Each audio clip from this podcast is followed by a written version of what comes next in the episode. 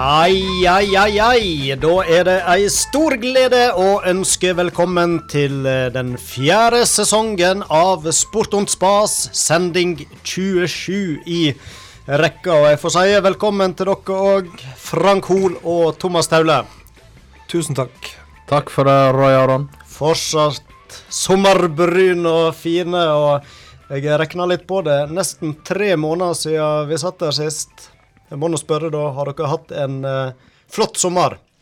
Du veit da, Roy, at uh, jeg og Frank vi kan jo titulere oss som seriemeister.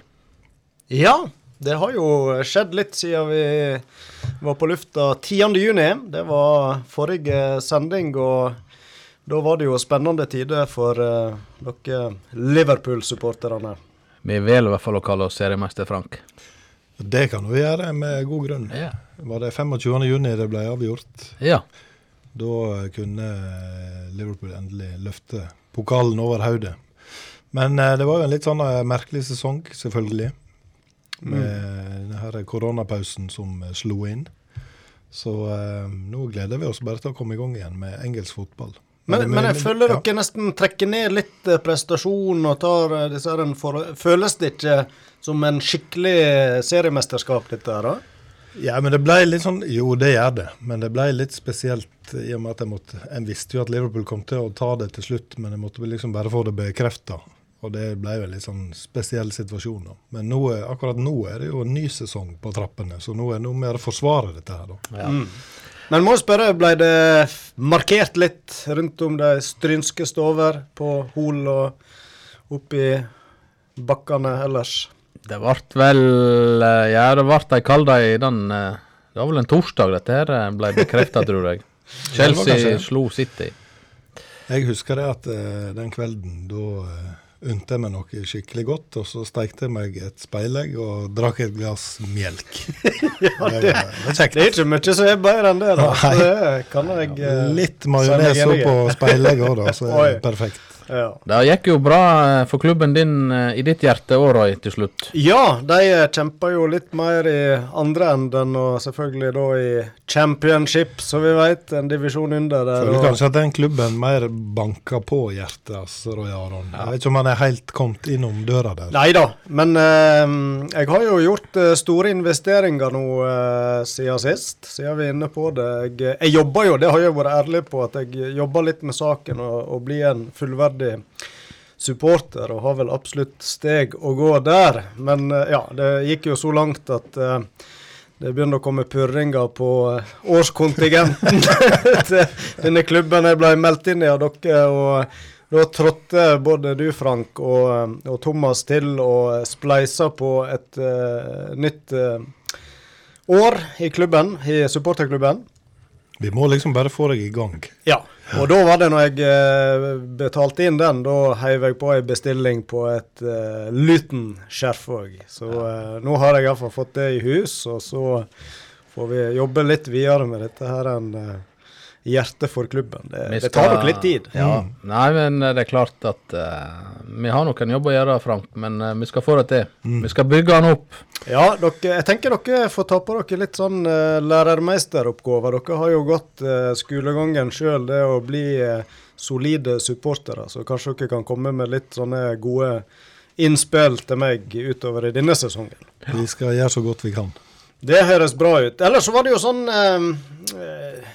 ja, jeg vet ikke hvor mye vi skal si at vi drog på det i forhold til å starte en sesong fire. Vi var jo motiverte, men det var jo sånn vi stilte oss spørsmål om eh, er det flere enn oss eh, tre som eh, ønsker en sesong fire, eller sitter vi her og egentlig prater for tomme radioer, hadde jeg som nær sagt. Så vi hadde jo ute en liten meningsmåling da i sosiale medier, Facebook og, og Instagram, og, og da var det selvfølgelig Gledelig å få uh, massiv uh, Massiv støtte der.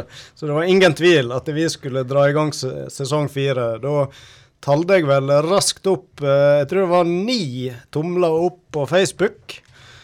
Og så var det vel fem på Instagram, og der hadde vel du, Frank, òg levert ei stemme. Du vet, når han Frank har tommel opp, da, da er det bare til å gi gass. Var det noen Ja. tomler ned, eller? Nei, så det var jo 100 støtte. Det så det. det må vi nå. Altså, vi må jo ta til oss det som er å ta til oss. Tommel ned var ikke et alternativ.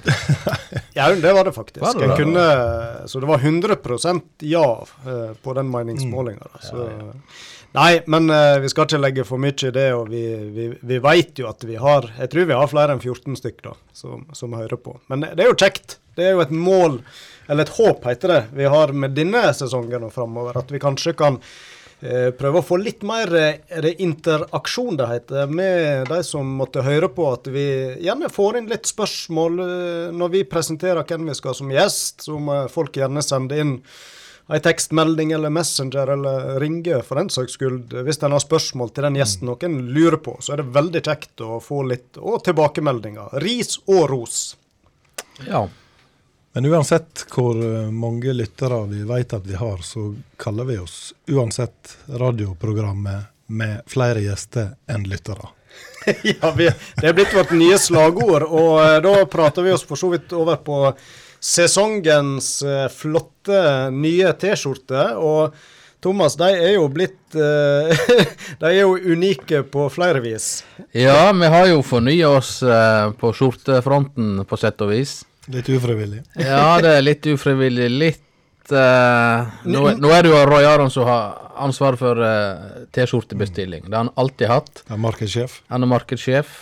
Sjølutnevnt, men det spørs om den henger i en tynn tråd nå, da. nei, du, du har signert liv, livs, livsstilskontrakt på akkurat det. Nei, så uh, nå står ikke det sport om spas uh, på, på brøstet lenger. Nei, leverandøren kom jo eh, stolt og fornøyd og leverte T-skjortene her i, i god tid før sending. Vi hadde jo annonsert hva tid vi gjerne ville ha dem klar, og pakka opp.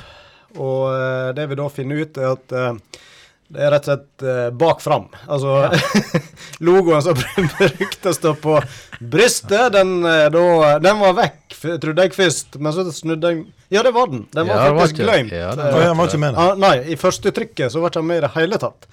Så vi hadde fått ryggtrykket på fronten, og da var egentlig eneste Jeg hadde, hadde vel ikke hjerte til å kansellere hele orden, så da får vi logoen på ryggen i stedet. Så da blir det jo en litt sånn artig vri. Jeg tror, vi, jeg tror vi hadde beholdt T-skjorten om så alt sto opp ned òg. Ja. Så er det jo litt tøft. Her står ai, ai, ai på framsida, og så er det da dette nye slagordet vårt som vi har kommet opp med, radioprogrammet med flere gjester enn lyttere. Og For vi har jo hatt eh, Vi har runda 100 lyttere nå, eller ikke lyttere 100 gjester. Ja, det har vi. Ja. Med god margin. I dag tror jeg vi passerer 110 gjester. Unike gjester i Ja. programmet.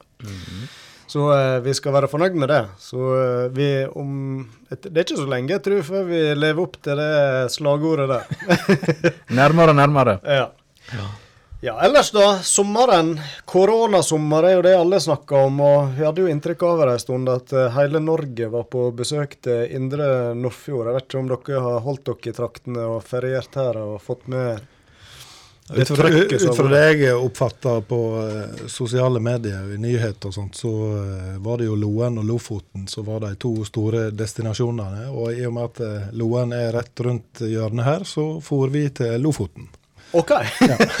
det var sånn bytte, Byttehandel. byttehandel, ja. Her, Vi hadde en flott tur nordover. Alle, vi skulle jo egentlig på Danacup Ja. i Danmark. Det ble jo selvfølgelig avlyst. Så har vi snakka noen år om å reise nordover, og det fikk vi muligheten til i sommer. Så da eh, setter vi oss i bilen og durer av gårde. Mm. Og der var det mange om plassen, eller? Nei, altså jeg så jo det at det, før vi reiste, så var det noen sånne her eh, ferjekøer ut av eh, hell, ut av ei anna vær. Ja. 15 timer og noe greier, leste jeg om. Men det er jo hvis du kjører denne her eh, Helgelandskysten og disse litt mindre plassene. Men det, vi kjørte til Bodø og tok båten over derifra, så det gikk eh, helt fint. ja. Så det var litt, eh, sånn som jeg oppfatter det, litt sånn krisemaksimering med den der eh, trafikken oppover der. Mm. Så eh, vi hadde gått med albuerom. Ja, det hadde de da. Ja, nei, men Lofoten den er noe jeg òg drømmer om, men så langt har jeg ikke kommet. Og kanskje passer det for så vidt bedre å ta det en annen sommer når ting normaliserer seg. Ja. Du da, Thomas. Ble det noe ferie på deg, eller? Du, jeg vet, jeg hadde jo tenkt meg til Italia i sommer. Som vanlig? Ja, det ble jo ikke noe av det. Nei. Så jeg har jo vært mye hjemme, men jeg har også vært oppe i Molde-traktene og feriert der ei uke. Så du var innom den eh, kjente restauranten Fuck You. Fuck UN i Molde, ja. Den er jo anbefala. Kinarestaurant. Ja. Den må de besøke, folkens. Så eh, nei, jeg har vært mye her i området, det har jeg. Og Ja. det har vært greit, da. Har det blitt noe sporting på dere, da? Eh, nei. Nå var jeg på ei fotballtrening i lag med Frank på søndag, og det var vel første gang siden vi hadde hørt om covid-19 at jeg var i bevegelse. Ja, og det har du vel eh, fått svi litt for, etter det jeg har skjønt siste Ja, nå er jeg på tredje dagen med alvorlig gangsperre. Ja. Litt stiv i hofte og korsrygg Ja. og lår og Ja, legger. Ja. Sånn. Albuen nå har jeg fått et eller annet i. Det er vel litt sånn uh, koronaform. Det er vel Ja. litt et uttrykk. Koronaform. Men du har jo vært eh, sprek i sommer. Hva Hva du har gjort på, forresten? Nei, hva har jeg gjort på? Nei, Jeg har vel hatt ei uke vekk på tur, ellers eh, nedover til Hardanger-traktene og der min, min kjære kommer ifra. Så da hadde vi oss en tur ned til familie der, og så ellers er det mye i Stryn og området. Men jeg har nå prøvd å bruke noen eh, fjelltopper her og gått på, og ja.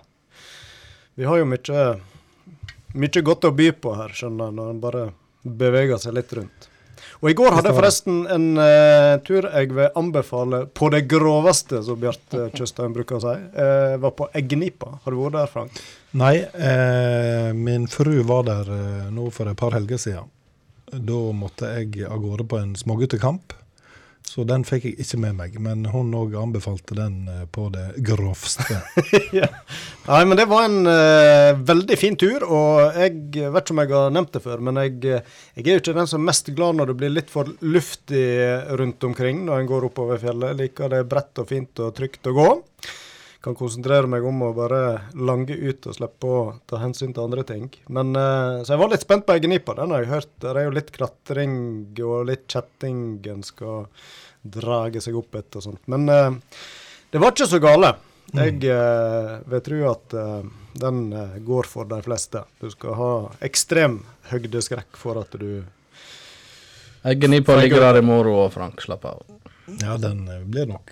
Den ligger nok der lenge. Men det er én ting som jeg har tenkt utrolig mye på i sommer, som uh, har fått meg til å dra litt på smilen. Ja. Det er jo vår, vår venn Lionel Messi, Ja. Frank. Ja. Han, eh, han har jo nå gitt beskjed om at eh, han vil, han vil vekk fra Barcelona. Dette er jo ikke lokalsport i det hele tatt, men Mm. Nei, men Messi er nå vel en vi kan eh, ha lov å prate litt om her. Og eh, vekk fra Barcelona. Har ikke han vært alvorlig mange år i den ja, klubben Han nå? kom jo dit når han var en 12-13 år, vet jeg. Men nå vil han vekk, da. Ja. Nå er det slutt på Vet vi hva som har skjedd? Ja, det er vel litt dårlig leding og Du vet når Barcelona tapte 8-2 mot Bayern München i semifinalen i Champions League, da er det et eller annet som ikke stemmer. Ja. Jeg syns jeg hørte det, han fikk bot nå for å var det sånn dagsbøte for å stå over treninger. Ja, han har var, det, var sånn 100 000 kroner for dag, eller Ja, det ikke helt kan vel stemme. Jeg Tror det står han i. Ja. Men det som forundra meg litt, og som jeg syns var litt artig, da, det var jo at han vil vekk. Mm.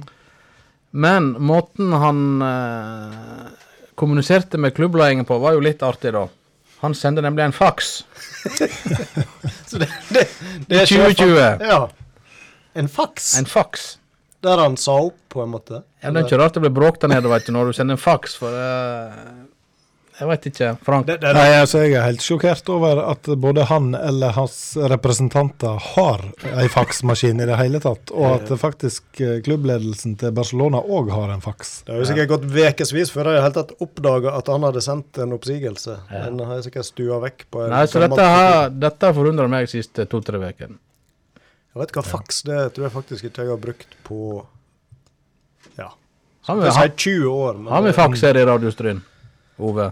Nei. Ingen faks. Ingen faks. Ingen faks. Nei, det, Så er det- sånn, jeg kunne li- like godt sendt ei brevdue, tenker jeg. Ja. Det er sikkert vært raskere òg, da. Nei, men det Ja. artig observasjon, Thomas. Faksten er på vei tilbake. Skal ikke se vekk ifra. Internettiden er forbi. Ellers må jeg spørre nå når vi er inne på litt mer internasjonal sport. Følger dere med på Tour de France, eller? Ja, det er, nå får jeg med meg innspurten etter jobb. eh, Ja, det, det er jo litt sånn med denne syklinga, da. At eh, hvis du skrur på siste ti minutter, så får du som regel med deg det som gjelder. Mm. Ja. For det, men eh, jeg forsto dagens etappe. Den var visst dørgende kjedelig. Jeg tror ikke det skjedde noe før spurten. Ellers bruker det gjerne å være et brudd. Det er jo så mye taktikkeri, da. Det er jo nesten eh, mer taktikkeri enn i sjakk. Tenker du på beinbrudd, eller? Eh, nei, jeg tenker en, en rytter som går i brudd. Det betyr han sykler for å reise. Jeg er ikke veldig sterk på sykkel. Skjønner. Men du fikk ikke med deg eh, norsk seier på første etappe? Jo, det gjorde jeg. Kristoff, den Ja. fikk jeg med meg. Det var smått Jeg rått. Jeg har tradisjon for å se TV2-sporten, så da får jeg liksom litt med meg litt av alt.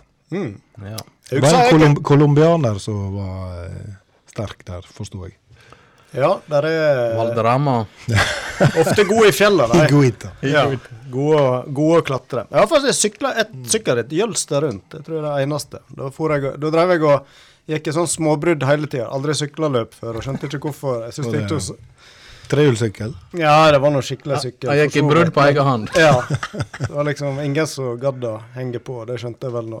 Spurte Nei, nå må du hanke oss inn her, Roy. Jeg må hanke inn igjen. Ja, da har vi eh, skravla oss langt utafor uh, sport og spas-tematikken, for så vidt. Vi skal snart i gang med litt eh, lokalsport, men eh, skal vi spandere på oss noe musikk, vi da? Og så eh, skal vi ta litt, litt om den vesle lokalsporten som skjer for tida. Først noen ord om eh, hva vi har i vente i dag, eh, karer. Og eh, vi skal som sagt straks ha litt lokalsportrunde, og der blir det noe fokus da på vesle idrettslaget Olden, som virkelig markerte seg i helgas ungdomsmesterskap i friidrett. Og der tok bl.a. Steffen Melheim gull. Og så skal det òg bli litt mer Olden, for vi skal snakke om Skarsteinsetra opp. Det går av stabelen neste helg, til tross for korona. Men da i en litt eh, annerledes utgave. Og eh, der vet jeg at det er noen skikkelig kanoner som skal stille på startstreken. Og det vil eh, André Oppheim eh, fortelle litt mer om. Og så eh, skal vi ha et litt lengre prat med en tidligere Stryne-keeper. Ja, vi skal prate med Simen Lillevik, som eh, står mål for Strømmen i Obos-ligaen. Eh, han er sikkert i kjempegodt humør i dag, i og med at de vant eh, 5-2 eh, nå i siste kamp. Og han har gjort sine saker veldig bra der nede, og er blitt førstekeeper for klubben. Så det skal bli spennende å høre hva han har å si. Og så skal vi òg i dag presentere et par nye små spalter. Og da har vi bl.a. en spalte som heter Rim med rake. Og uten å røpe for mye, så kan vi nå si at det handler om dikt. Og hvem rake det er snakk om, det kan dere få lov å spekulere litt på. Hva du tror Frank? Rake? Kjenner du noe rake? Eh, Geir Inge Rake. Ja. Jamel Rake. Aha, ja, ja, ja. Janne Rake.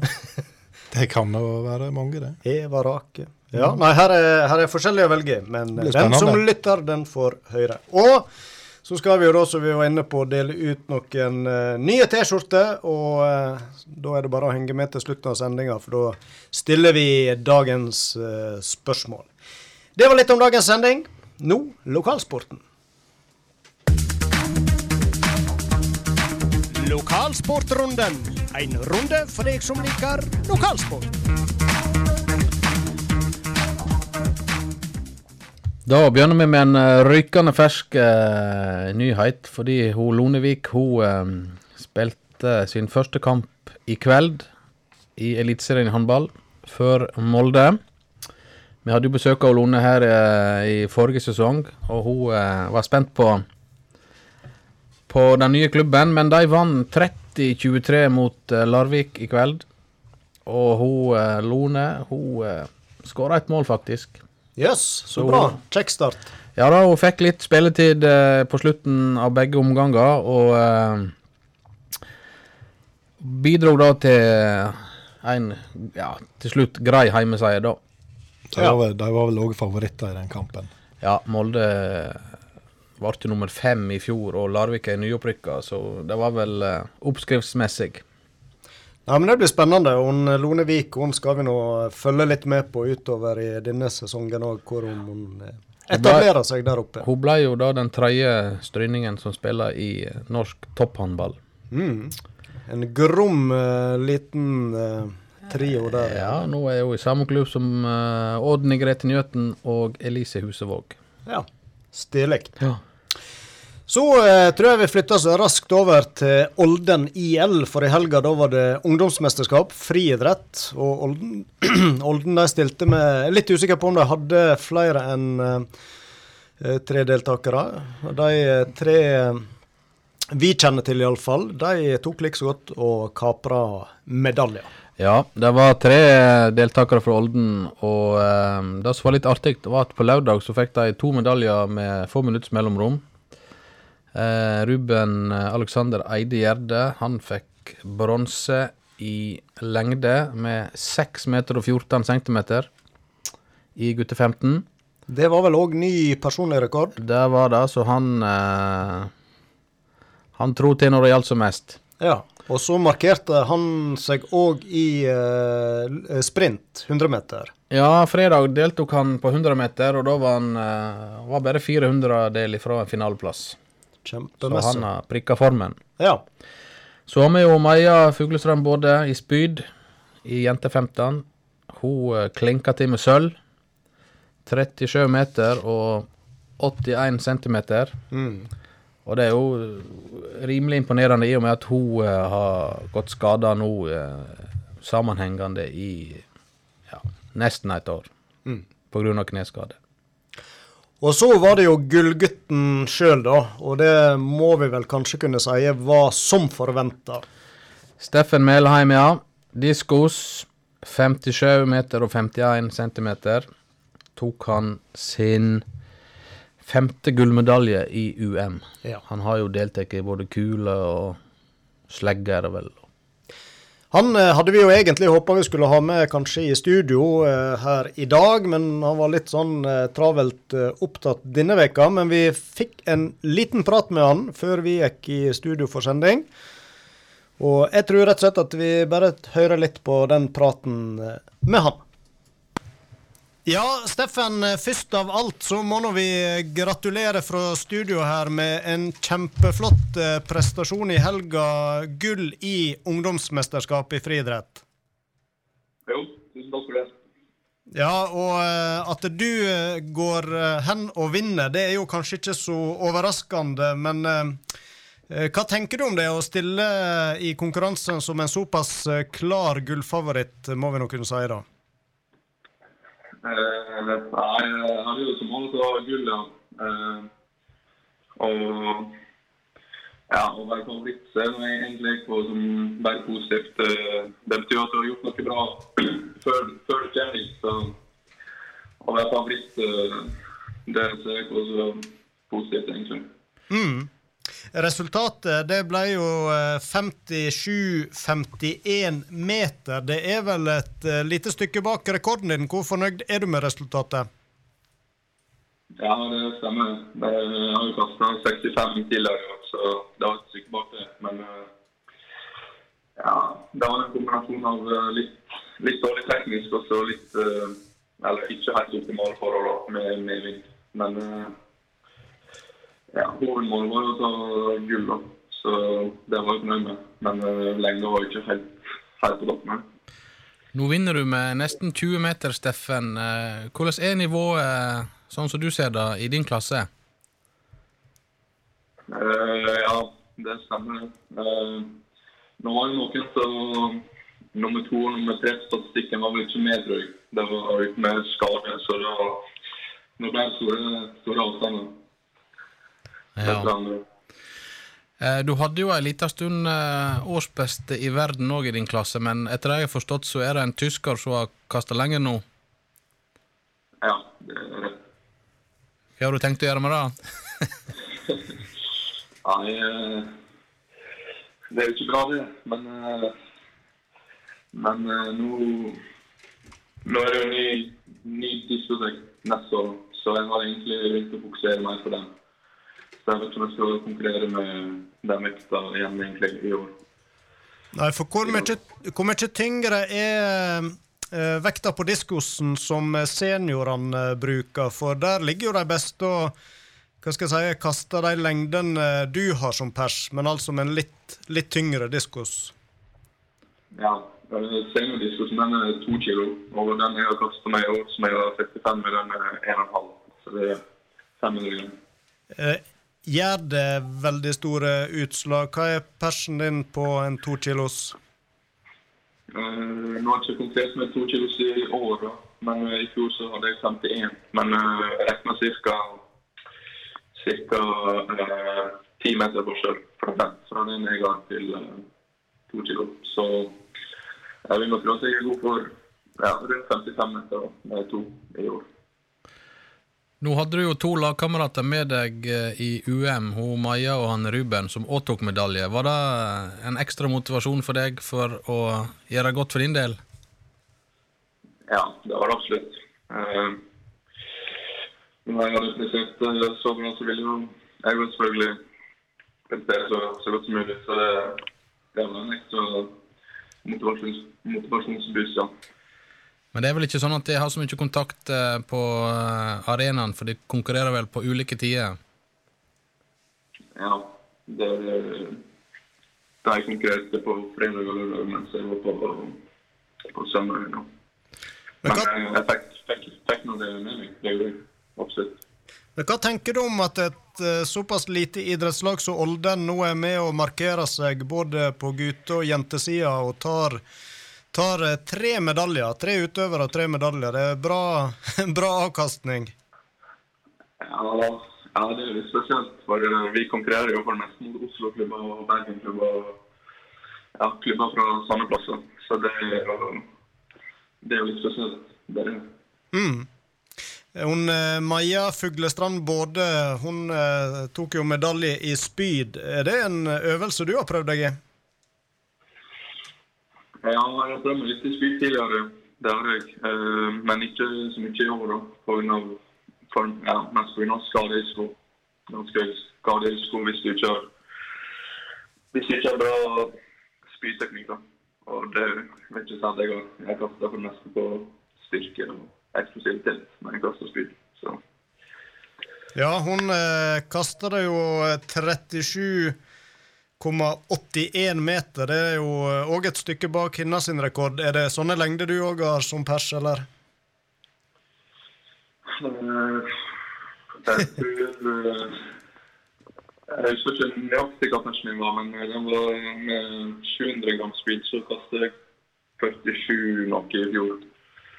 Ja. Så, men eh, det er igjen 500 gram. Det er sterkere enn 47 med 700 gram. Du har jo hevda deg i kula. Har du lagt den eh, på hylla, eller? Uh, ja, ikke helt, kanskje. Men uh, jeg tror ikke det blir kul i år. Men uh, kanskje neste år i I fjor så var jeg med i junior-NM, da. Så, og det kunne ikke være på i år pga. korona. Så det var kun 18- og 19 år igjen. Men jeg tenker kanskje å stille kule der neste år. Mm. Så er det jo eh, snart et eh, senior-NM i friidrett, og du var jo inne på det at eh, du har en eh, kanskje i lengde på rundt 55 meter inne der hvis du har full klaff. Eh, hvordan tror du du kan hevde deg der? Eh, det er litt vanskelig å si, men hvis jeg kaster 55 på NM, så ja, Litt usikker, men topp fem tror jeg i hvert fall 55 skal holde til. Mm. Stemmer ikke at du ble, uh, nummer fem i fjor, når du deltok? Eh, jo, det ble jeg. Ja. Så, ja.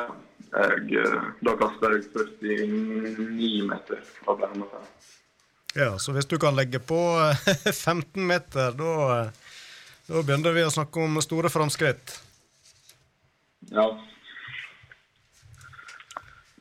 Da eh, vil nå vi her i studio iallfall bare avslutte med å ønske deg, eh, Steffen Melheim, masse eh, lykke til med videre konkurranser, og da særlig NM for senior som er om et par uker. Så lykke til med både deg og resten av olderne på friidrettsbanen. Jo, takk for det. Da har vi med oss uh, Jørund Årdal på telefonen. Er du der, Jørund? Det stemmer. Jeg Ja, er på plass. God kveld til deg. God kveld, ja. Eh, du er jo eh, rekrutteringslandslagstrener i kast, og eh, du har jo litt med de kasterne i Olden å gjøre. Kan du eh, Kan du bare litt kort fortelle litt om treningene som de har i lag med Olden på loggene i Gloppen? Ja, de, det er nå han, han Steffen da, som, han, og broren og Mathias, han, men han har ikke så vært så mye mer det siste eh, året. da. Men, eh, men eh, det, er rene kasttreninger, rene tekniske treninger vi har eh, når vi har med Steffen. Og, jeg har av og til vært inne inn i Olden òg. Men eh, han er ute her en, del ganger og, og har skikkelige kvalitetskastøkter. Da det, ser vi på teknikken og, og får kaste gode, solide kast. Så, eh, så jeg hjelper nå med, så langt jeg kan med, med det tekniske. Det er det samme som vi gjør på landslagssamlingene når vi, når vi er i Oslo eller, eller andre plasser. Men hva tenker du, Jørund, om den utviklinga han eh, Steffen har hatt på få år her nå? Ja, det har jo vært med i bransjen en, en del år. Og det, det han gjorde spesielt i fjor, det, det var eh, Ja, det er helt uvirkelig at han kunne klare det, altså. For, for den, det skulle ikke gå an å kaste den diskosen så langt hans fysikk. Det er min mening, da. Det, det, han kasta altså eh, han kastet en fem-seks meter lenger enn jeg trodde det var mulig. han klaste. Men han har en fabelaktig teknikk og um, sprekhet i kroppen. Og, og fikk voldsomt fin uttelling uh, på konkurranser. Og dette sølvet han tok i ungdoms-OL, det var helt fantastisk. Han, slår ut de som er ett til ett og et halvt år eldre. Det, I den alderen. Det er en fantastisk prestasjon. Så han kasta veldig, veldig langt etter alderen. Ja, du er jo inne på det at eh, du har fulgt med i gamet i mange år. Vil du si at han eh, er et eh, litt sjeldent talent, han Steffen? Ja, det er jo klart. Etter alderen i fjor, når, når han kasta i alle fire-fem meter lenger enn noen nordmann har gjort på den alderen tidligere, så sier det egentlig sitt. Så han, han har, han har lukta på verdensrekordene, verdensårsbest i, eh, i eh, klassen sin oppover nå det siste året. og det er klart at det, det sier jo egentlig sitt. Han, han er jo ikke en veldig fysisk sammenligna med disse aller, aller største og kraftigste. Så, eh, så han har en hurtighet og en teknikk som eh, han tar, tar igjen på. Jeg har hørt rykte om at eh, til og med seniorene på det høgste nivået i Norge nesten ser litt til han Steffen når det gjelder teknikken. Ja, det, det stemmer det faktisk. Og ikke bare i Norge, men faktisk i utlandet òg. Vi hadde jo, han, han setter jo noen uh, aldersrekord og gikk opp på verdensårsbeste nå i nylig. Og, og den, den videoen ble jo jeg vet ikke, var 3600 ganger var vist og, og spredt og fikk kommentarer fra til og med fra USA. Og, og det er helt, det det, folk er helt i beundring på, på den flotte teknikken han har. Det, den er lagt merke til, og det er klart at disse beste de, de ser på hva han gjør. Han er, han er mye raskere i avviklingen av kastet enn enn de fleste, og faktisk mange seniorer òg. Som da gjerne konverterer tilbake med mer styrke og kraft. Så um, det, ja, det er kort, kort fortalt det. At han er veldig hurtig i, gjennomføring av kastet. Bærer med seg farten i starten av rotasjonen og klarer å bygge opp en veldig fart i den eh, rotasjonen. Det er det som er veldig spesielt med hans kasting. Mm. Hvordan er det å være trener til en som ligger så langt framme teknikkmessig? Hvordan føler du at du kan bidra mer da? Ja, det er, en- jo, det er noe helt fantastisk. Egen, egentlig kan jeg si det at eh, det er ikke så mye eh, sier vi. Vi bare nikker og ser at dette her, det, det sitter bra. og Han har en veldig god feeling og balanse og kroppskontroll som er uvanlig for eh, så unge som han er. Altså, han, er, han er spesielt god motorisk etter alderen. Og det har han nok forstått vært eh, gjennom hele oppveksten. Så, så eh, ganske smidig, og så er han jo begynt å bli ganske stor og lang og sterk også etter hvert. så så det, han har det meste på plass. Og det er klart, skal du være i, i internasjonal topp i ei øving, så må alt, alt fungere.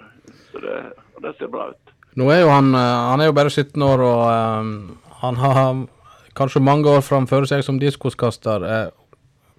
Hvor langt kan han Steffen nå, tror du? Ja, vi plå, vi plå sier det. Vi, vi, Diskosvekten som de kaster med, er aldersbestemt fra 1 til 1,5 og til 1,75 og 2 kilo. De er avpassa på en måte etter på en slik måte at den, den lengda du kaster med den lette diskosen for årsklassen din, den skal du kunne klare når du blir eldre med den tilsvarende tyngre diskos.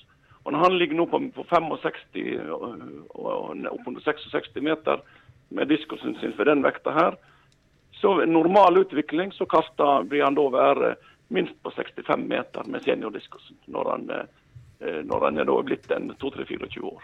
Og da snakker vi vel internasjonalt toppnivå? Da, da, snakker vi internasjonalt seniornivå. og Er med på Diamond League og OL og VM og sånn. Så han er, han er, langt før disse norske. Vi har jo to nordmenn som nå er, er internasjonalt gode diskoskastere. og der, de, han, han, er langt foran dem på samme alder. Og De har gjort en veldig god jobb selvsagt etterpå, men teknisk sett var han på et veldig høyt nivå mye før de.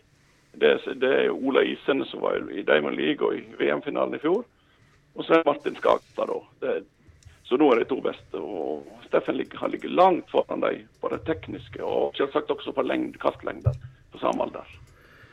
Og så fikk jo Olden en eh, sølvvinner òg nede på Jessheim med Maja Fuglestrand både i spyd. Ja. Kan du si litt om den prestasjonen hun uh, sto for? Ja, det, hun Maja hun har jo teknikken òg, på samme måte som, uh, som Steffen. Så har hun teknikken på plass.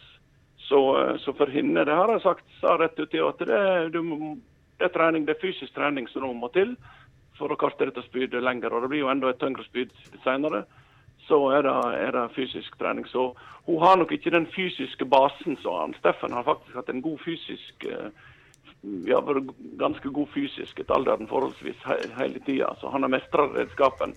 Og hun uh, må gjøre en jobb med, faktisk med trening og bli fysisk spreka. For det å kaste et spyd langt, det, det kan se ut som det er bare teknikk, men det er faktisk en god del krefter som må til. og det så Det er litt uh, trenes en god del, men hun har en veldig fin teknikk og anlegg for spydkast. Så Det er ikke noe som hindrer henne å kunne, kunne bli veldig god hvis hun holder seg fri for skader. Spyd er jo en litt sånn farlig skadeøvelse, som vi vet. Så, så det gjelder å unngå det. da. Men når du har en, eh, en, utøver som er sterk teknisk og trenger mye styrke, hvordan er det da å vedlikeholde teknikken når, når styrken ja, etter hvert kommer på plass? Ja, ja, det er klart at det er, um, det er jo det som Å klare å holde teknikken samtidig som du bygger opp styrken, det er kanskje utfordringa. Og hvis du blir, trener mye styrke og blir litt stivere i kroppen, så har du kanskje ikke den smidigheten. Så, så det, er, er, det, er, ikke gitt at du beholder den fine teknikken. Og det er klart sånn for Steffen nå, han er blitt mye sterkere. og og han kanskje ikke fått ut det aller siste når det gjelder teknisk. Sliter bitte lite grann nå. Det er, det er små detaljer. Men det er kanskje nok til at han ikke får det aller siste ut. Så han har ikke fått, fått ut de siste meterne som kanskje han kunne hatt hvis teknikken var helt på topp. Så, og det, det blir utfordringer det når du blir sterkere og større og holder smidigheten og sprekheten i kroppen samtidig som du får økt styrke. Så det, det er klart det er utfordring. Nå er jo disse her kastøvingene, spyd og diskos Det er ikke så mange som driver med det i Norge. og uh, må, ja. Blir det mye trening alene for de som driver med dette her? Ja. Må, ja, det være, må det, det være spesielt da. Eh, disiplinert? Ja, det, det, det, er veldig viktig å få fram. Og der, der har jo han Steffen utmerka seg. Jeg beundrer hva han, hva han klarer. Så Hvis det er inn i Olde ser, så, har han oppå banen og kaster og trener for seg sjøl. Det er fantastisk at han legger ned at en, en 17-åring kan ha den selvdisiplinen og den motivasjonen. Det er helt fantastisk. Så, så han er veldig dedikert. Og, og, det er klart Maja hun må opp på det nivået og, og ta den, ta den treninga og, og uh, gjøre jobben. og litt, litt gjøre jobben sjøl, og så skal vi andre støtte opp så godt vi kan når, uh, når vi er på samlinger og er i lag på fellestrening. Nå er det vel... Det, det er helt rett, ja. ja. Eh, nå er det vel eh, kast som er din eh, spisskompetanse, Jørund. Men han Ruben, kjenner du til han som utøver òg? Å ja, jeg kjenner godt til han Ruben.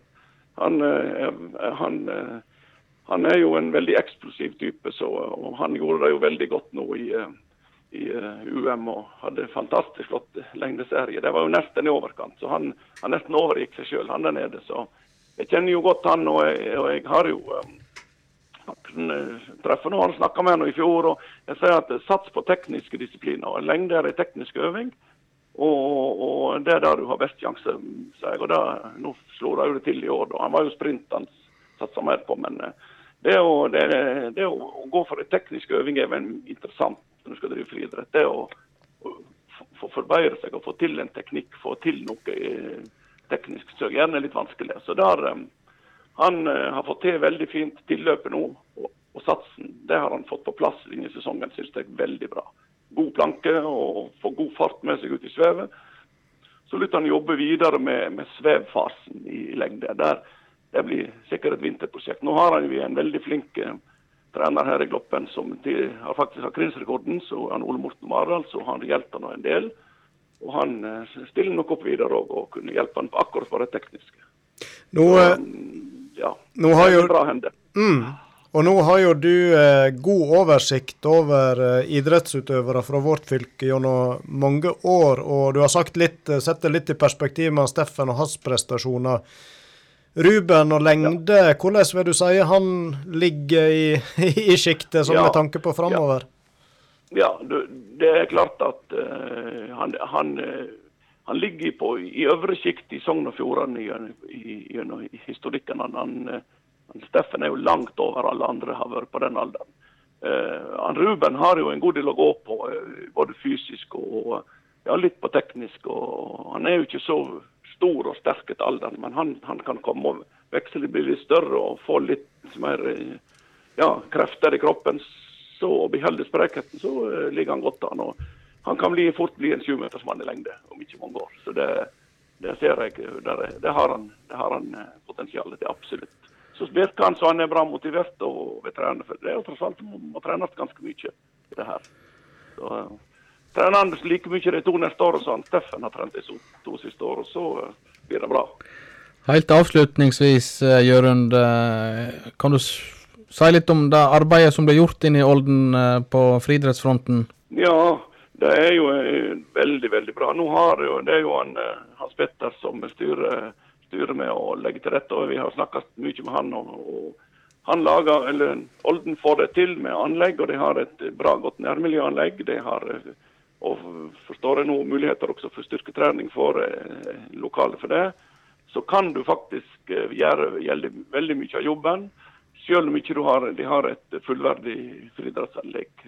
Det har en liten vind i Stryn og, og Stryn kommune. Så Olden har akkurat nok til at disse kan få utvikle seg videre. Så um, Hans Petter og, og friidrettsgruppa der har jo vært veldig flinke å få til uh, forholdene og, og hjelpe dem opp. Og så uh, klart, når de da blir så gode, så kommer de ut på krinslag og, og rekruttlandslag, og da får de den tekniske hjelpen. Du kan ikke vente at de skal ha i spisskompetansen på alle de tekniske øvingene. Da må de ut og søke hjelp. og Der har de vært flinke i Olden og ta kontakt med andre. og, ja, og får den hjelpa på den biten. Og så har de grunntreningene og felletreningene. Der er de veldig flinke. Det er jo, uten hadde de alle blitt så gode hvis ikke de hadde hatt en grunntrening i bunnen som er lagt ned de siste åra der inne, så med en, eh, Hans Petter i, i spissen. Vi gleder oss iallfall veldig til å følge med alle disse tre utøverne videre. Og så må vi si tusen takk til deg, Jørund Årdal, for at du var med oss og sette prestasjonene litt mer i perspektiv. Jo, ja. Ja, takk, du. Ha det godt.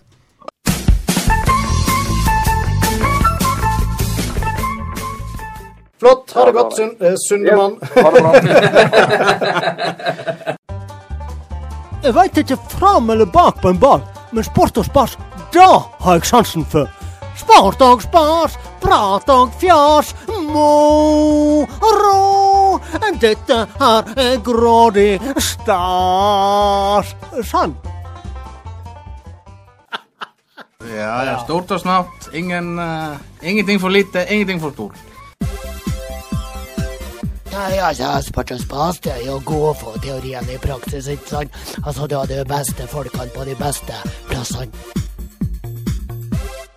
Um, vi skal nå um, Nå har jeg altså en drops i munnen. Jeg må bare litt øyeblikk.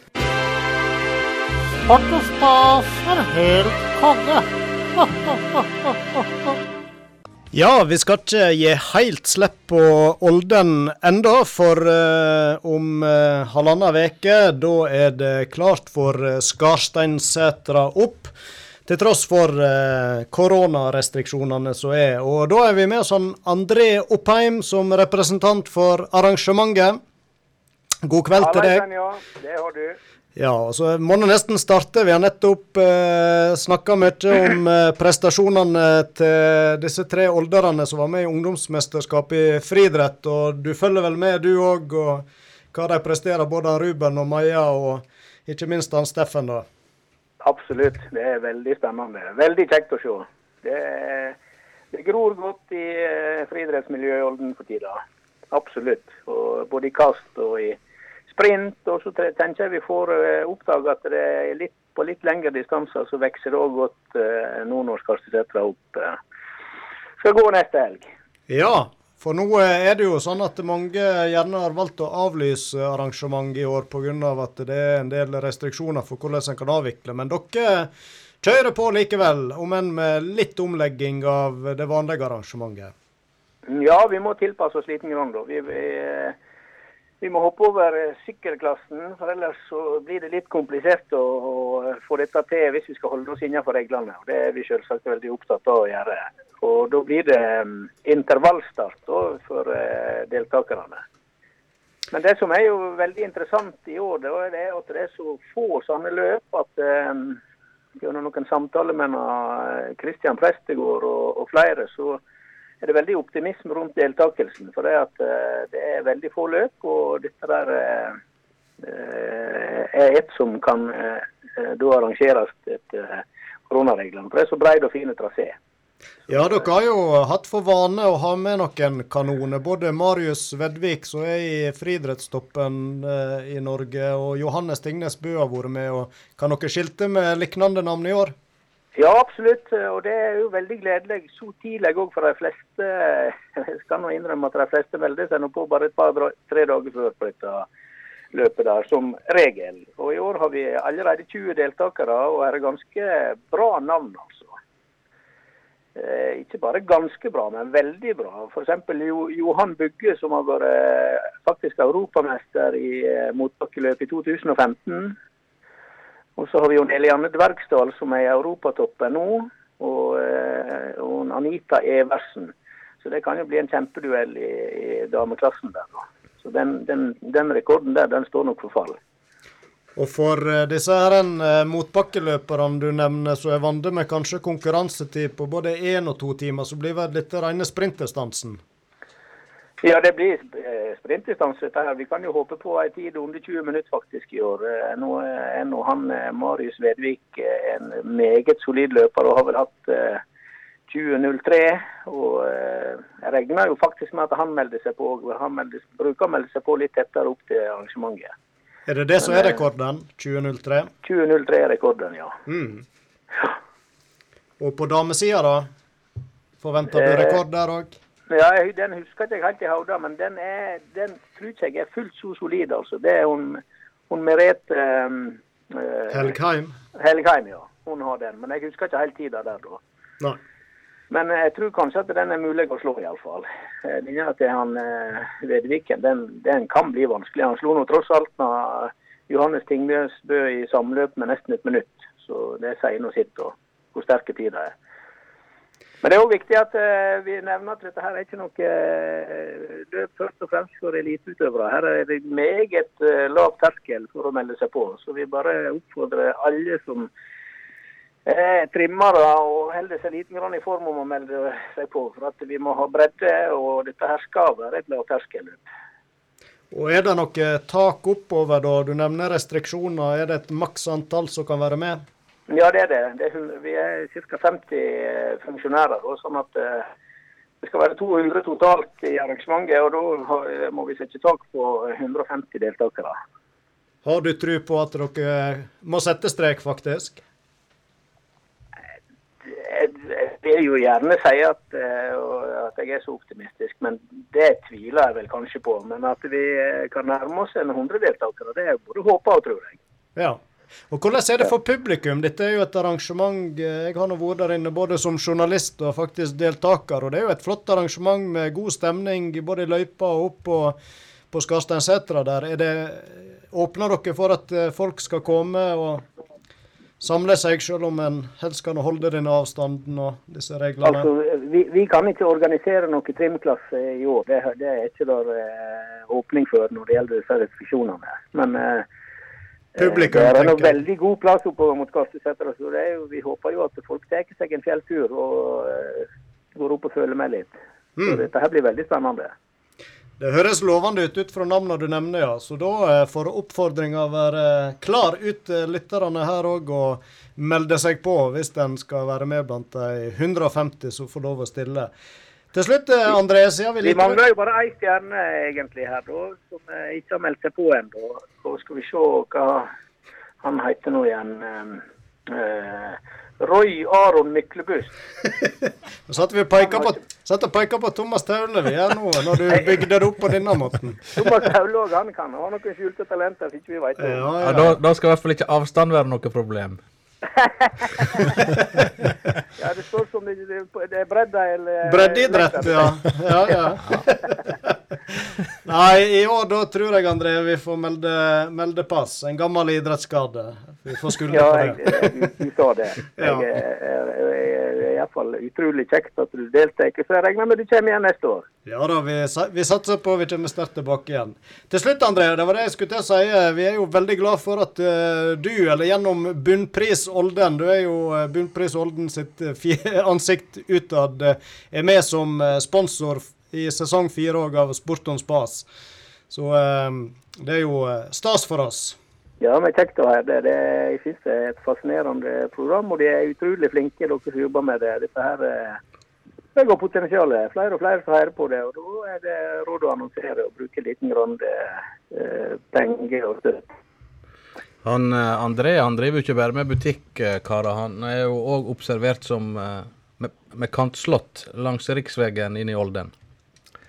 Ja vel. Med Ja, Alt mulig, mannen André. Han rekker over det meste, tror jeg. Ja, det Og nå- veit ikke jeg. Føler seg iallfall. Men nå har du iallfall noen eh, dager ferie, forsto jeg, og er på eh, tur nedover dalene. Så da skal vi slippe deg eh, videre. Og så tenkte jeg vi kan takke for praten, og så tar vi rett og slett og setter i gang reklamesnutten for Bunnpris Olden som vår faste sponsor i sesong fire. Ha det godt til deg, André. Takk for det. Banan er banan og butikk er butikk, det har nå jeg alltid ment. Ja, helt til jeg fikk øynene opp for bananer som André Oppheim hadde så nær sagt. Nei, men altså inn på butikken der, du får så mye annet med på kjøpet. Det er så ryddig, og det er så flott, og det er så rent. Og der ser en jo at han er, han er godt opplært av mora. Ja, det er ikke mye hybelkaniner som flyter rundt omkring. Nei, jeg driver ikke dyrebutikk heller, bruker han å si. Han er så artig, han André, veit du. Men han har så mange andre rasende kjekke folk som jobber der òg. Ja, både norske som svenske. Smørblide alt i hop. Eller smørgosser, som de, så de sier på svensk, eller hva det heter. Ja, så er det noe voldsomt greit å parkere der òg, og det setter nå mange min pris på, for da veit han at han får bilen like hele heim igjen. ja, og ikke minst så er det noe rimelig å handle der. Ja, for så jeg sier, du trenger ikke være holden for å handle på bunnpris Olden.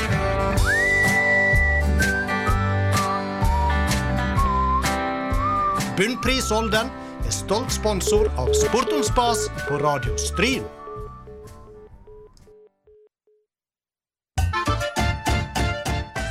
Rim med rake.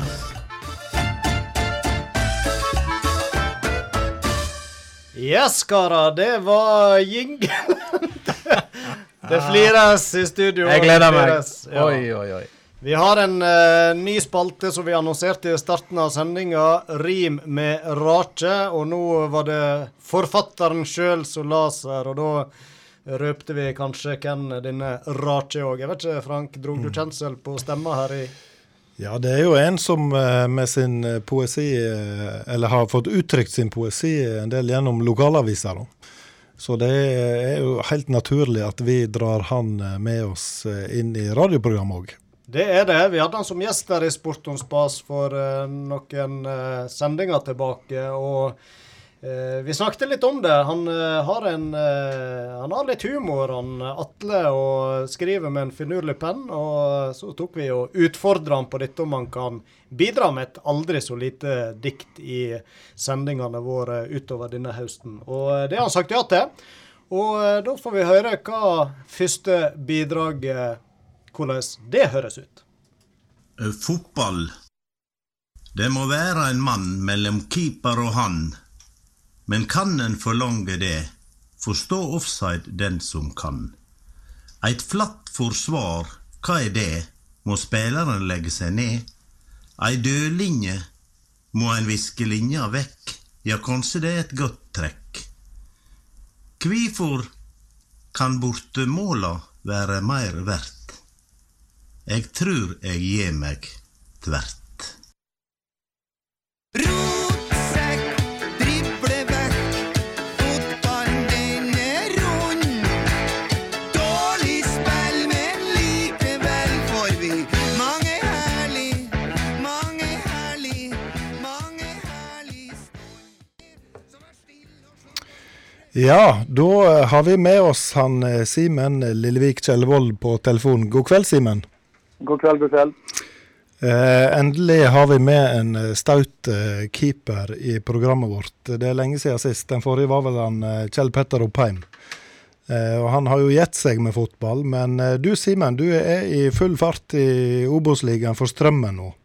Hvordan er fotballhverdagen din?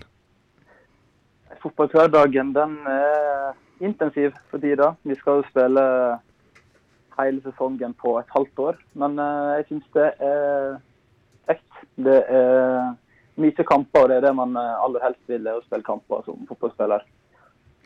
Ja, Så ser jeg dere kom eh, nettopp fra en eh, 5-2-seier sist, og det var vel tre etterlengta poeng? Ja, absolutt. Det var, det var en tøff uke, ikke minst med to bortekamper mot Ranheim og Lillestrøm. Og da fikk vi heldigvis en solid eh, seier på hjemmebane som tredje kampen på de seks dagene. Og det var både trengende for, eh, for uh, sjøltilliten videre og for uh, tabellsituasjonen. Ja, dere, dere trengte jo selvfølgelig de poengene, men, eh, men sånn eh, for din del personlig, så har jo du endelig, holdt på å si, opplevd i en toppklubb å få tillit. Så det ser jo ut som du er ubestridt førstekeeper der nå. Ja, eh, her i Strømmen da, så har jeg blitt satsa på. Det var jo òg en vesentlig grunn til at jeg valgte å gå dit. Mm. Det å få spilletid og få erfaring på høyest mulig nivå, det var veldig viktig for meg i år. Mm. Hvordan er konkurransen på keeperplassen? Den er, den er bra, den. Vi er et team på fire keepere. Det er en som er langtidsskada med skulderskader, så han eh, har ikke fått stått i mål noe. Så han bidrar med litt diverse annet. Mm. Men eh, ellers så er det to, eh, de to som er friske, sultne, fremadstormende keepere som trener hardt. og Det, det nyter jeg godt av òg. De pusher meg, og jeg vet at jeg må være på for, for å fortsette å utvikle meg sjøl for ikke skulle bli tatt igjen, da. Ja, Det er jo ikke så lenge siden, Simen, at du sto i Strynemålet. Hvordan eh, har du utvikla deg disse siste åra, vil du si? Jeg har eh, Siden den gang så har jeg vel utvikla de aller fleste aspekter av, eh, av keeperstilen min. Men eh, ja, jeg har blitt en, eh, en roligere keeper, ikke minst. Jeg behersker meg sjøl og de rundt meg bedre. og ja, tar litt mer plass. Og så er jo det generelle bedre. Jeg er enda raskere enn jeg var før. Jeg har bedre refleks enn før. Og ja, generelt eh, en mer solid keeper. Men eh, jeg nøt selvfølgelig òg godt av den erfaringa jeg fikk eh, på det tidspunktet i Stryn òg. Jeg eh, fikk god læring av å spille, spille tredjedivisjon, der vi òg bl.a. var nærme å rykke opp en året. Så har jeg fått tatt, eh, tatt steg hele veien. Mm. Føler du eh, Nå er du jo på nest øverste nivå. Føler du at du fortsatt har å gå på og sikter enda et hakk opp? Ja, absolutt. Jeg sikter mye lenger enn det òg. Eh, Eliteserienivå føler jeg egentlig at jeg har inne, men nå var det jo det for å få fylt på, fylt på CV-en, spille kamper og vise at jeg kan levere på det nivået. Det er det som, det som var det viktige i år, og det føler jeg at jeg har vist ganske bra nå. Så eh, målet mitt er absolutt å spille Eliteserien eh, innen eh, ja, i nær framtid. Men hvis vi går litt tilbake i tid, Simen. Du er jo fra Vikane, og du har vel kamper for den klubben òg, selvsagt? Det stemmer. Jeg starta jo dette eventyret her hjemme i eh, Vikane i sjette divisjon og spilte, spilte et par sesonger der før jeg eh, tok veien videre til Stryn. Hadde du allerede da noen store ambisjoner om å komme deg videre fra sjette divisjon? Det hadde du sikkert. Ja, det hadde det. Det har vel egentlig alltid vært eh, drømmen å spille fotball på høyt, høyt nivå. Um, men så fikk jeg jo Når vi spilte sjette divisjon, så var Så hadde ikke jeg helt eh, Hva skal jeg si Jeg visste nok egentlig ikke helt hva som måtte til. Og lærte jo lærte en del eh, for så vidt å være seniorkeeper i Vikan òg allerede som 14-åring. Så lærte jeg jo en del en del der i forhold til hva som må til for å spille på et førstelag. Og lærte selvfølgelig hele veien der, og ikke minst når jeg kom til Stryn, der det var enda litt høyere forventninger og enda litt høyere krav. Og, men drømmen var alltid å spille fotball på høyest mulig nivå. Men Simen, hva, hva var det egentlig som gjorde at du, eh, du enda opp som keeper, eh, sånn helt fra starten av? Det må nok legge skylda på han far der. Han eh, spilte fotball, han, eller sto i mål han òg eh, tidligere. og eh, Broren min sto i mål en liten stund. Eh, han bytta, eller ble omsider utspiller, men jeg, eh, jeg trivdes mellom stengene. Det passer, meg bra. Der jeg kan stå bakerst og ja, være litt galen, slik vi keepere stort sett er. Keeper er jo en egen rase, sånn sett. Absolutt. Hva, hva så er ditt uh, varemerke da, Simen? mitt varemerke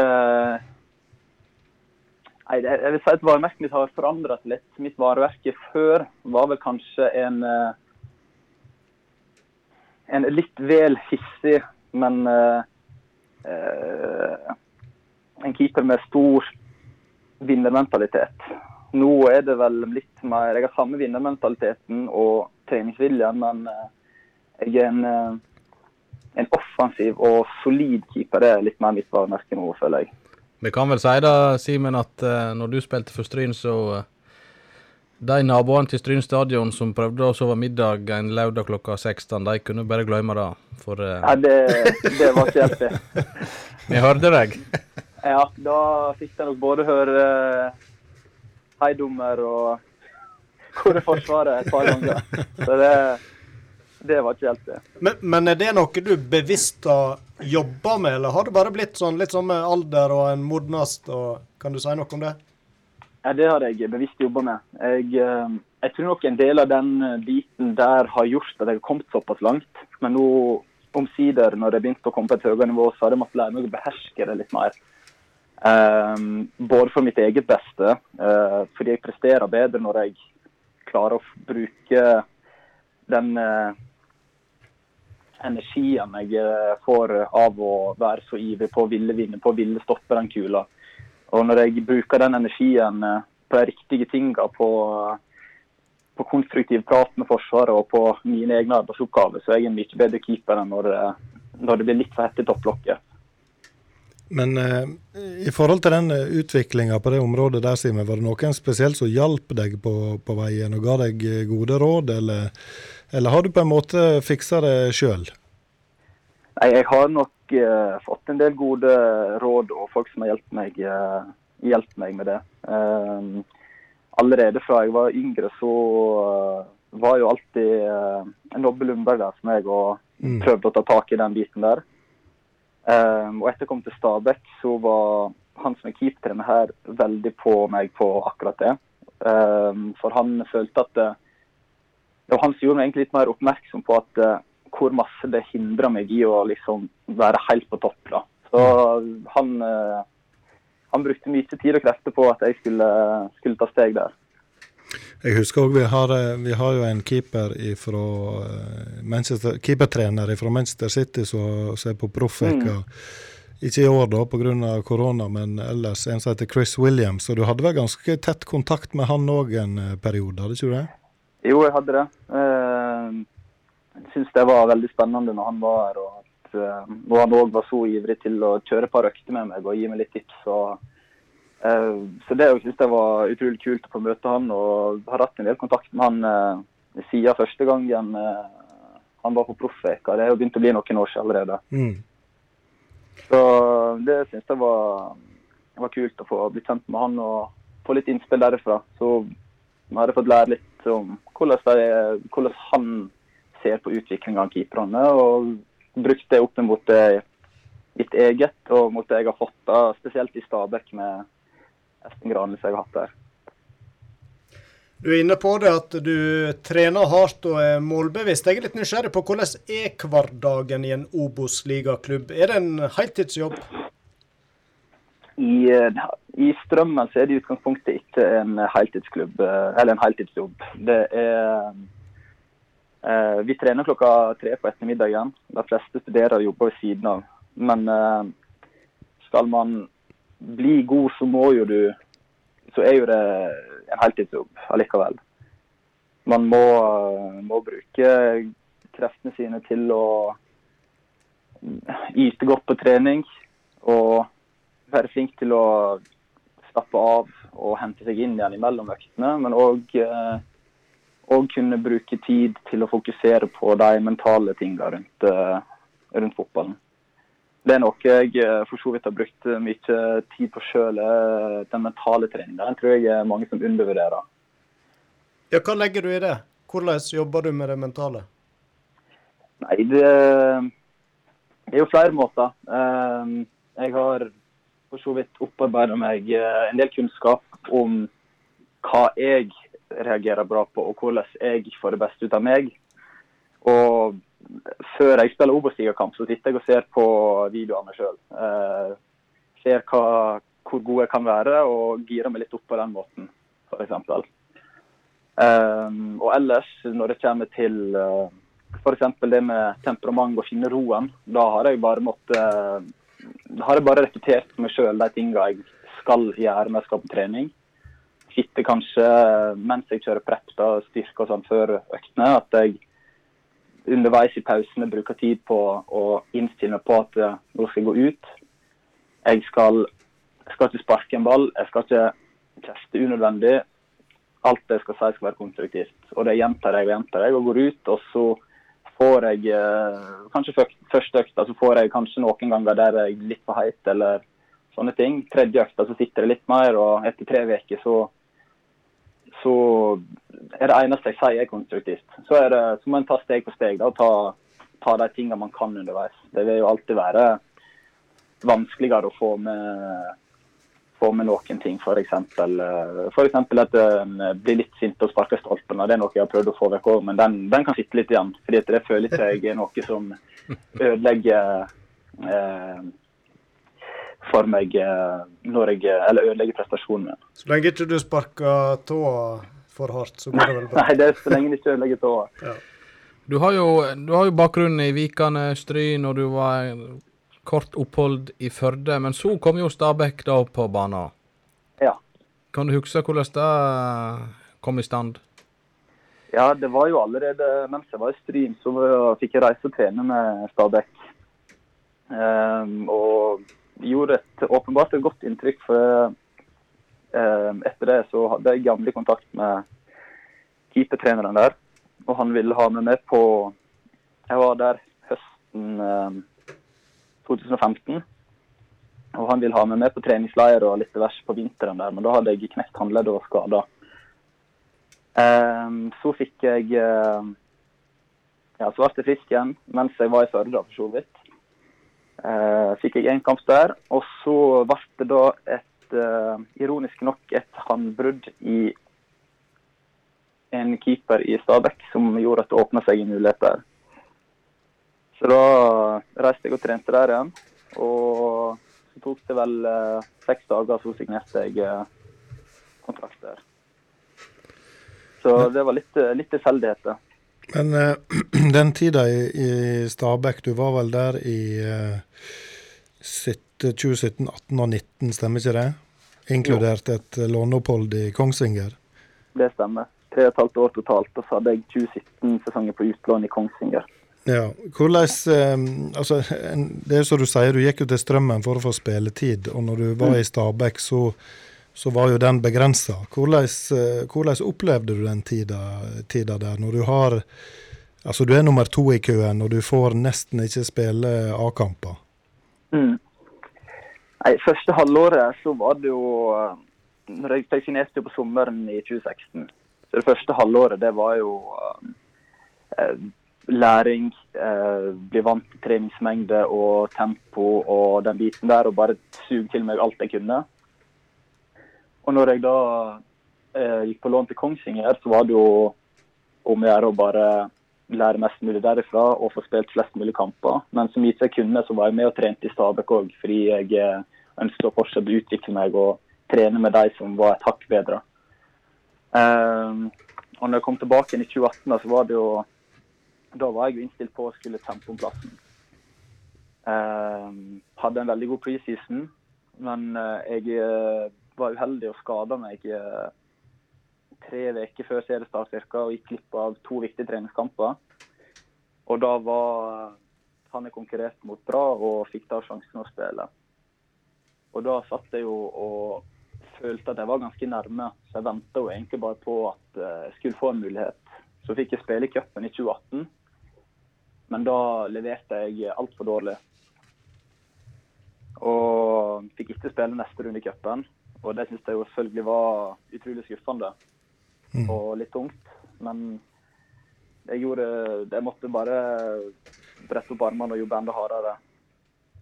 Så det halvåret synes jeg var veldig frustrerende. Eh, fordi da gjorde laget det dårlig, og han er konkurrert mot dårlig. Men jeg fikk uansett ikke sjansen. Så på sommeren der signerte vi Markus Sandberg. Og han kom jo inn og var, leverte jo varene veldig bra. Så da ble det litt sånn Da måtte jeg bare måtte jeg bare godta det, for han leverte såpass bra. Jeg, så da trente jeg bare godt og eh, spilte godt i andre divisjon og fikk den erfaringen jeg kunne der.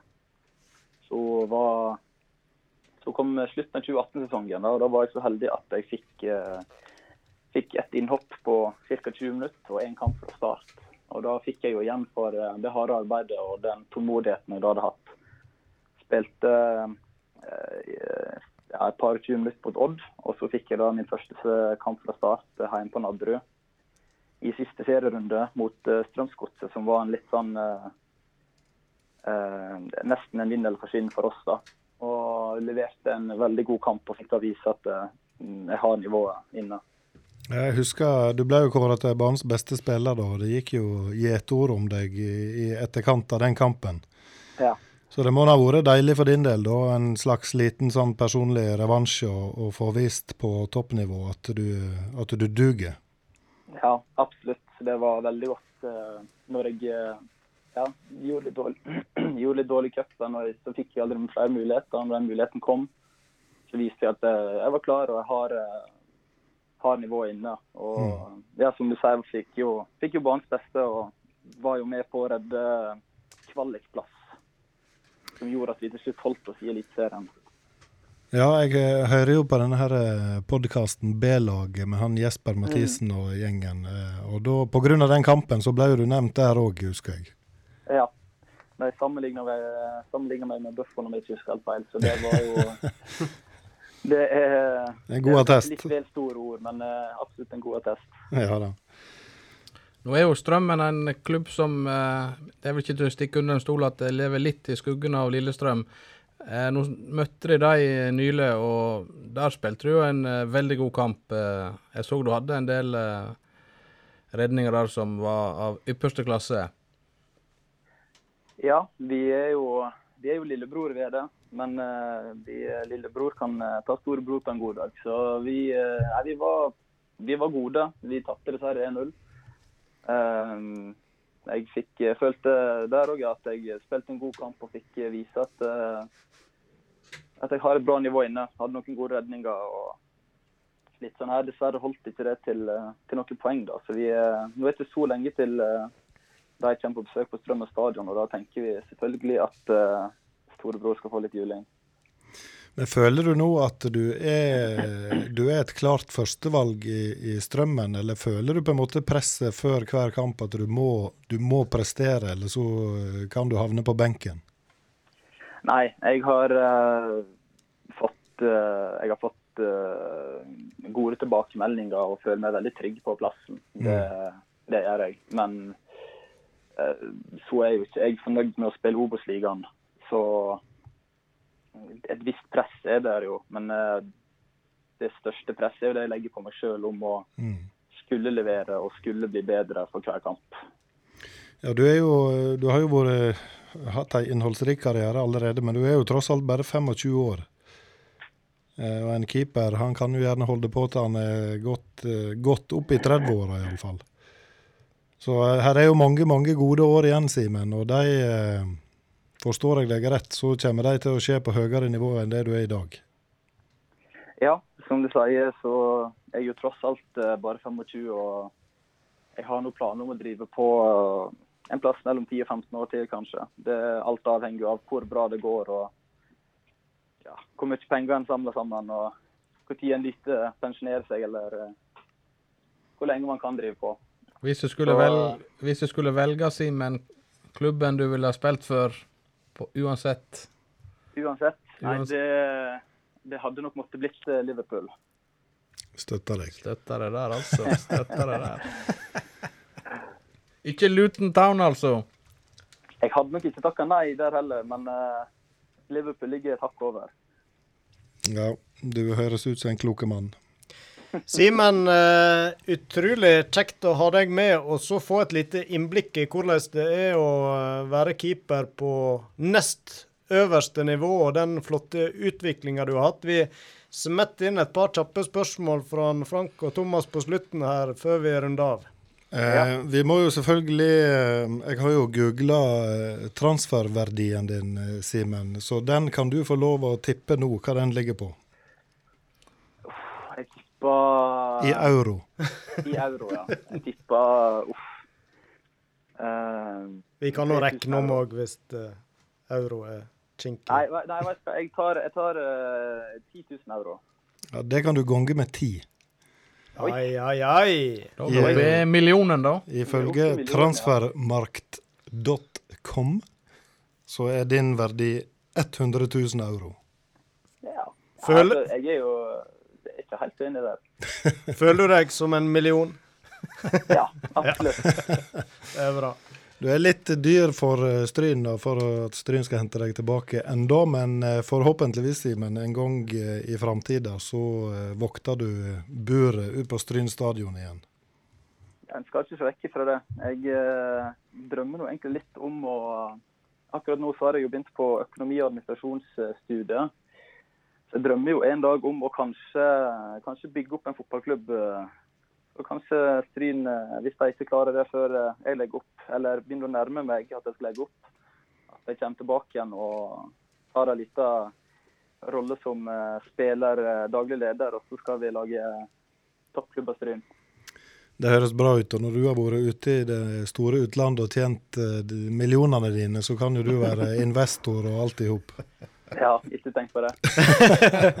Da har vi en god plan. Vi hører du er en eh, kar med store ambisjoner, og det liker vi. Vi ønsker deg, Simen, masse lykke til. Eh, Hvem venter i neste kamp nå, forresten? Nå er det Sogndal på Fosshaugane. Ah, ai, ai, ai. Der burde vi jo nesten reist ned og, og sett. Vi får se hva vi får til. Jeg slipper ikke inn mer enn 200, vet du. Nei, det slipper bare inn 200 stykker, vet du. Så det. Men eh, nei, Sogndal på Fossegården ser jeg fram til. Skal, vi er jo to stykker fra Sogn og Fjordane på Strømmen, så vi har jo planer om å senke Sogndal og vise det at eh, de, eh, de må bli litt flinkere og lete i eget fylke etter gode fotballspillere. Ja, det er et eh, poeng. Godt, Klink. po godt poeng, Klink H. sier sogningen. Vi ønsker deg iallfall lykke til, Simen. Og så tenker jeg vi hører meg mer fra deg etter hvert. Ja, forhåpentligvis. Ha det godt. Ha det bra. Ha det godt. og Tusen takk.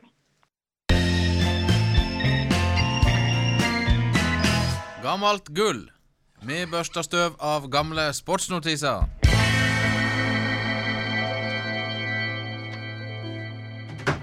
Ja, her står premierene premieren eh, i tur på eh, nye spalter. Gammelt gull, og det forklarte du flott der, Thomas. Vi har leita litt i gamle Fjordingen. Vi som jobber i Fjordingen, jeg og du, vi er jo stadig innom og kikker litt i tidligere utgaver. Det er jo litt sånn morsomt å se hvordan de skrev om idrett, om sport, eh, for 50 år siden. Og det er det vi tar utgangspunkt i denne spalten.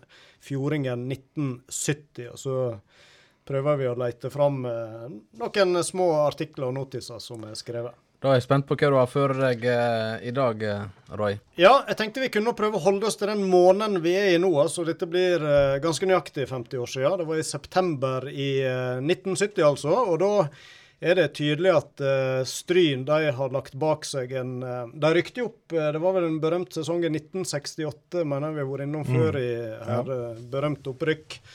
Men eh, to år seinere, da eh, var det et sei- seigt år i Stryn fotball. Og uh, ut ifra det som blir skrevet her, så kan det jo virke som det var Ja, det var ikke det året en uh, jubla mest ut på Stryn stadion. Sikkert mye regn den høsten. Så nå skal jeg rett og slett lese opp eh, en litt sånn kampreferat eh, fra eh, en kamp her. Stryn tok avskill med fjerdedivisjon med å tape 7-0 for Måløy. Ingen god inngang der. Det var ikke hyggelig å være strynsk fotballpatriot i går. Tre kamper gikk på stadion, og det ble det ene tapet etter det andre. Parentes. Og attpåtil så gikk Norge nedenom og hjem mot Søtta Bror, og det var så avgjort den 13. Først spiller småguttene, og dette oppgjøret enda med 4-1 til gjestene, men det skulle snart gå verre. I fjerdedivisjonskampen viste måløyværingene snart at de hadde taket på det hele, og etter 20 minutter leier de med 8-0. Likevel ble det ikke Nei, 3-0. det skal bli 7-0 til slutt. Så, ja. Likevel ble det ikke mer mål i denne omgangen. Selv om begge lag hadde sine sjanser.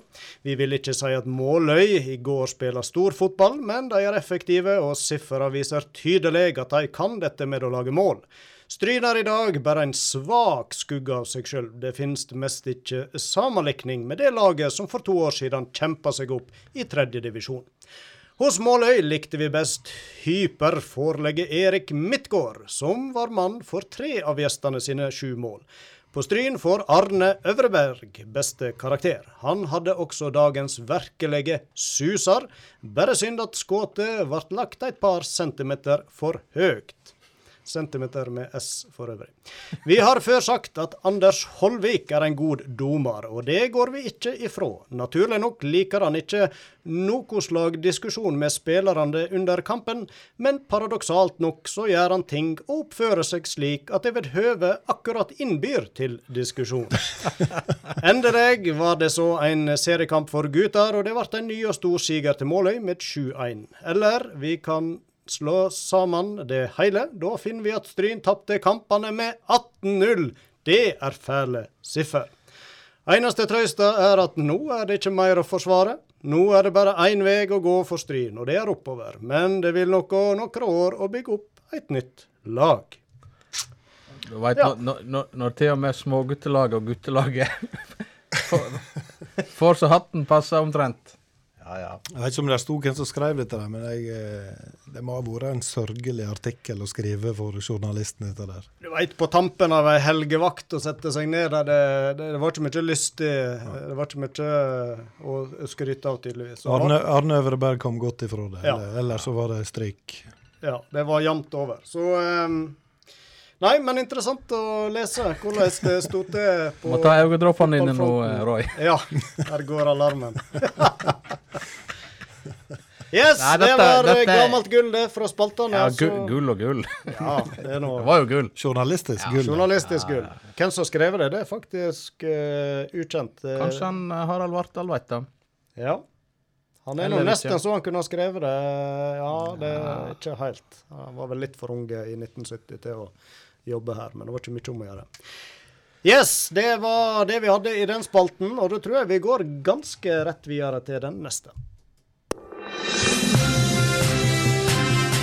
Sitat, ord og uttrykk fra sportens verden som du nå får servert enten du vil eller ei, ved Frank Hol.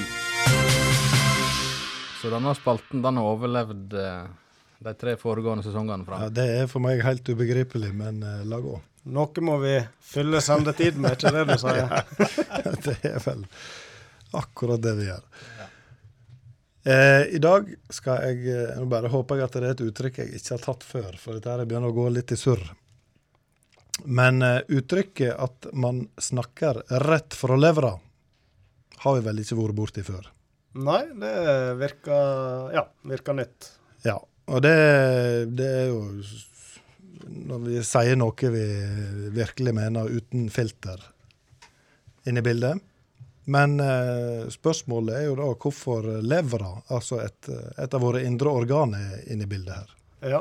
Jeg snakker jo ofte om å, å tenke med hjertet kontra å tenke med hodet og sånne Mm. ting. Og så å snakke fra levra, ja. Den har jeg faktisk aldri filosofert over. Hva, det, å, det å tenke med hjertet, det kan en mer skjønne hva som Det har jo med følelser å gjøre. Ja, men, eh, men levra, levra, den det er liksom en mørk klump inni der. det tjukke. Det er bare én mann som eh, kan forklare oss dette her, og det er deg, Frank. ja. Ja, det er kanskje det, hvis du ikke googler det, sånn som jeg har gjort. Eh, Men uttrykket stammer fra en tid da en trodde at følelsene hadde sitt utspring i kroppens organer og væsker.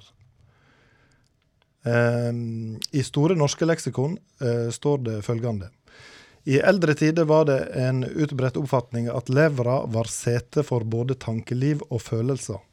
Denne tru kom til uttrykk i mange talemåter som er i bruk den dag i dag. Eh, eksempel være frisk på leveren. Det betyr da å Veit dere det? Nei, ikke jeg heller, før jeg leste det. Men det betyr da å være i godt humør. Så eh, du er jo ganske frisk på leveren i dag, Ja, ja, ja. Meg. Eh, eller å snakke rett fra levra, så, så betyr det å si sin usminka mening, osv. Eh, og så var det da særlig motet som skulle sitte i levra. Eh, og li, eh, for spesielt interesserte, så jeg vet han Thomas er blant annet. Lignende uttrykk finnes blant annet òg på dansk og tysk. Ja vel. Ja. Så nå eh, har dere lært at i levra, der sitter motet. Der sitter motet. Ja. Så en er da litt modig når en snakker rett fra levra. ja. Stillekt. Ja. Han Simen Lillevik, når han eh, var på sitt sinteste ute på stadion, da snakka han rett fra levra, gjorde han det? Eh, Da tror jeg han snakka fra alle indre organer han hadde tilgjengelig. Og når Messi faksa av gårde, så det kan hende det var levra som snakka da òg, gjennom faksen. Faksa rett fra levra. Hvis det er lov å si. Det tror jeg absolutt er innafor. Ja. Veldig interessant. Vi døyper deg lektor Ole i sesong fire òg, vi. Takk for uh, at du oppdaterte oss på ord og uttrykk. Og det var så litt, så. Ja.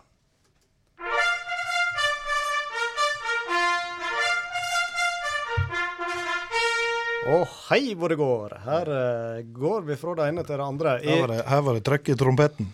Jeg ser på klokka nå. Vi, vi hadde jo en ambisjon med sesong fire. Eh, Vi kan jo røpe den nå, da. At vi kanskje skulle bli litt flinkere å komprimere sendingene. Vi hadde, har jo hatt en tendens til å både bli to to og en halv time vi sitter i studio. Så har vi nå spekulert litt på om det er lyttervennlig å drage det så langt. Nå ligger vi an til en sånn gode en og en halv time. Kanskje, kanskje det er det rette, jeg vet ikke. Tenk om eh, vi ikke hadde hatt 20 minutter med tullprat i starten. Ja, vi skal ha litt kjekt, vi òg. Ja, litt tullprat, det må vi ha plass til her. Men nå er vi iallfall framme ved starten på slutten, Thomas. Når fanfaren går, da er det på tide med konkurransen. Det er konkurranse der, da. Og eh, vi har jo uh, snakka om vår uh, T-skjorte før i kveld. Og eh, dette her er svære greier, vil jeg tro. Nei, det er konkurranse. Vi hadde han eh, Simen Lillevik på tråden. Og vi vil fram til moderklubben hans. Moderklubben til Simen Lillevik er dagens spørsmål. Send inn på Messenger til Sport som spas. Og du er med i trekninga av denne noe unike T-skjorta. Eh, jeg føler det er litt, er det litt sånn lurespørsmål, eller bør en si litt hva, ligger i moderklubb? Sånn, eh, da tenker vi den spede start. Det er vel det vi er ute etter. Ja. Vi må spørre om vår eh, mann på ord og uttrykk. Moderklubben. Moderklubben er jo eh, den klubben han spilte sine aldersbestemte kamper Ja. og ble flaska opp i. Riktig. Ja. Godt spørsmål, Thomas. Ja, det vil jeg si. Og hvordan, eh, sa du hvordan de svarer på dette? Det er Messenger som gjelder. Mhm. Og om jeg ikke tar helt feil, så vibrerte det i telefonen nå.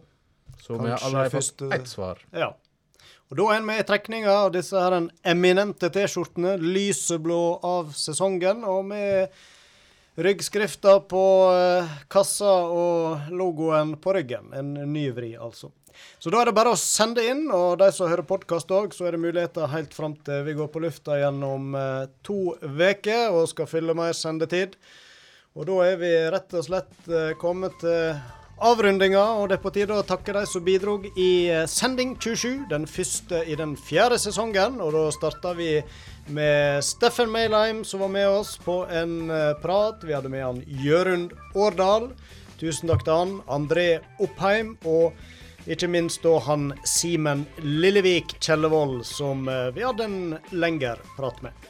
Så må vi eh, takke huspoeten vår eh, Atle Rake for hans sitt første bidrag.